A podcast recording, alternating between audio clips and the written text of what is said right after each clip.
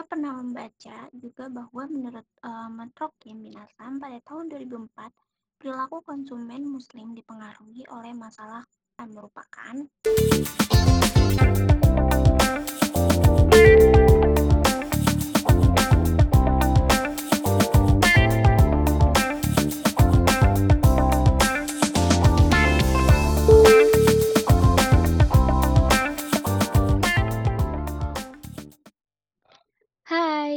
lagi di podcast kita. Pada kali ini, kita akan membahas dan sharing seputar perilaku ekonomi Islam. Nah, saya di sini nggak sendirian nih.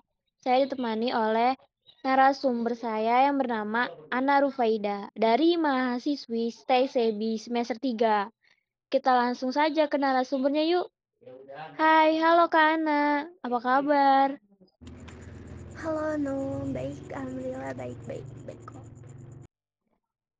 Saya masih kurang paham dengan adanya perilaku konsumen dalam Islam. Nah, sebenarnya bagaimana sih perilaku konsumen dalam Islam itu?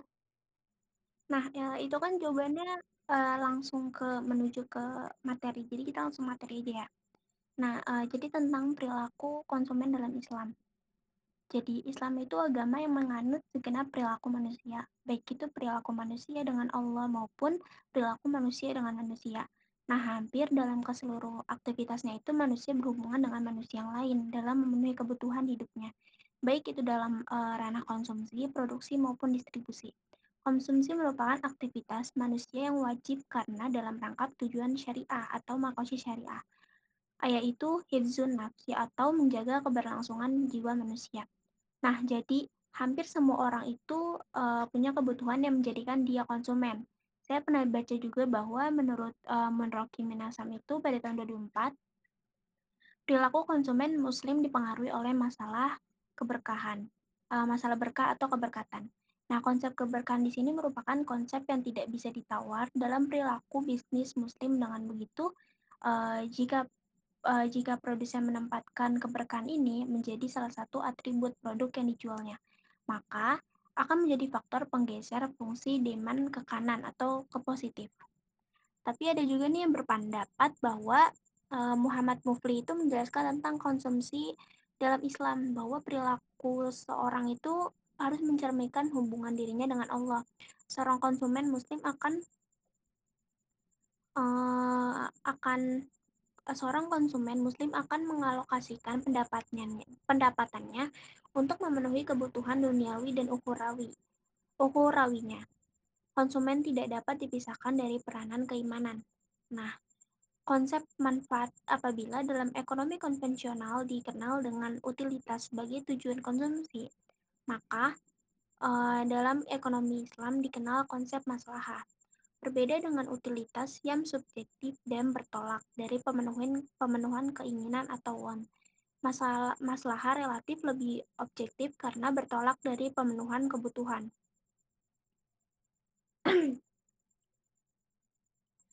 saya pernah membaca dari buku tentang konsep ekonomi Islam.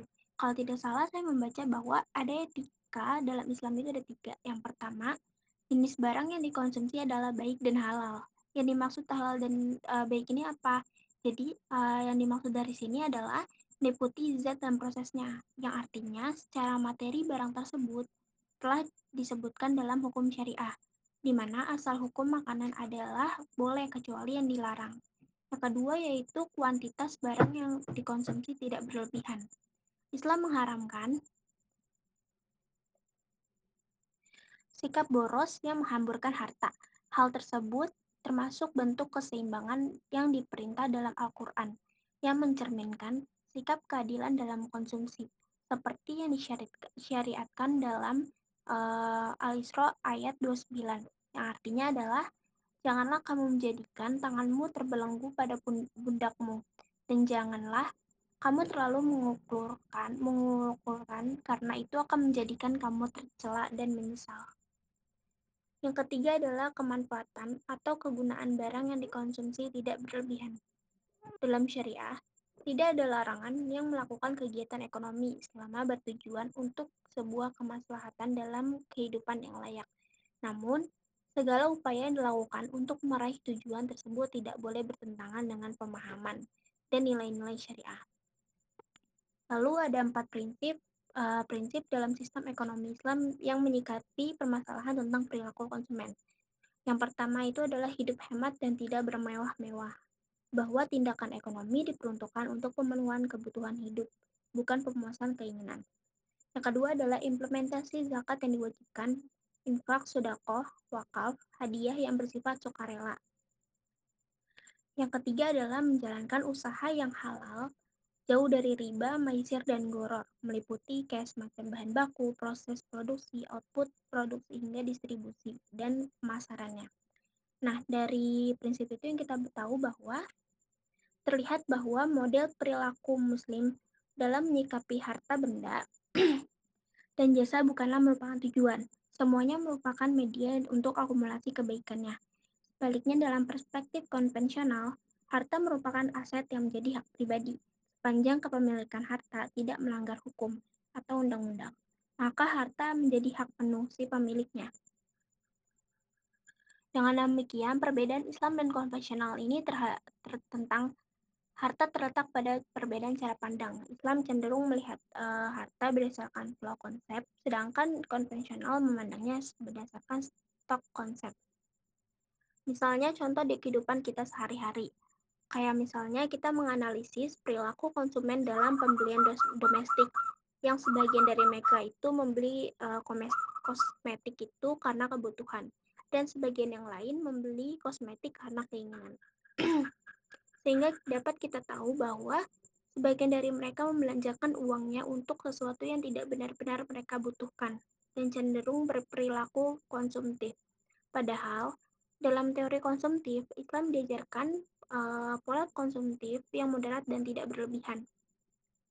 Masalahnya di sini yaitu bagaimana pembelian kosmetik menurut teori konsumsi Islam. Bagaimana perilaku konsumen uh, dalam Islam dalam pembelian domestik berdasarkan hasil yang kita dapat simpulkan bahwa pembelian kosmetik itu menurut teori Islam yaitu pembelian kosmetik dengan memperhatikan jumlah konsumsi agar tidak berlebihan, tidak boros sehingga terhindar dari perilaku tafsir. Nah, barang yang dikonsumsi ini tuh bukan barang haram dan uh, dalam berkonsumsi yang diniatkan untuk mendapatkan ridho Allah serta mempertimbangkan aspek-aspek dalam teori konsumsi yaitu kebutuhan dalam Islam. uh, terus perilaku uh, apa ya kayak konsumen gitu dalam pembelian kosmetik itu yaitu meskipun dana yang dikeluarkan untuk membeli kosmetik tidak melebihi uang saku yang diterima setiap bulannya, tapi sebagian besar mahasiswi mengeluarkan dana tersebut untuk membeli kosmetik berdasarkan keinginan, bukan kebutuhan. Selain itu, mereka juga masih melakukan pembelian kosmetik pada saat kosmetik lama mereka belum habis, di mana hal tersebut menunjukkan perilaku tabzir atau mubazir. Nah, perilaku konsumen tersebut tidak sesuai dengan teori konsumsi Islam karena tidak semua aspek uh, terpenuhi yaitu kebutuhan dalam masalah dan uh, sikap konsumerisme. Jadi kayak gitu. Jadi kayak gitu Noy uh, tentang perilaku konsumen uh, dalam Islam. Bagaimana perilaku konsumen di saat masa krisis pandemi seperti ini?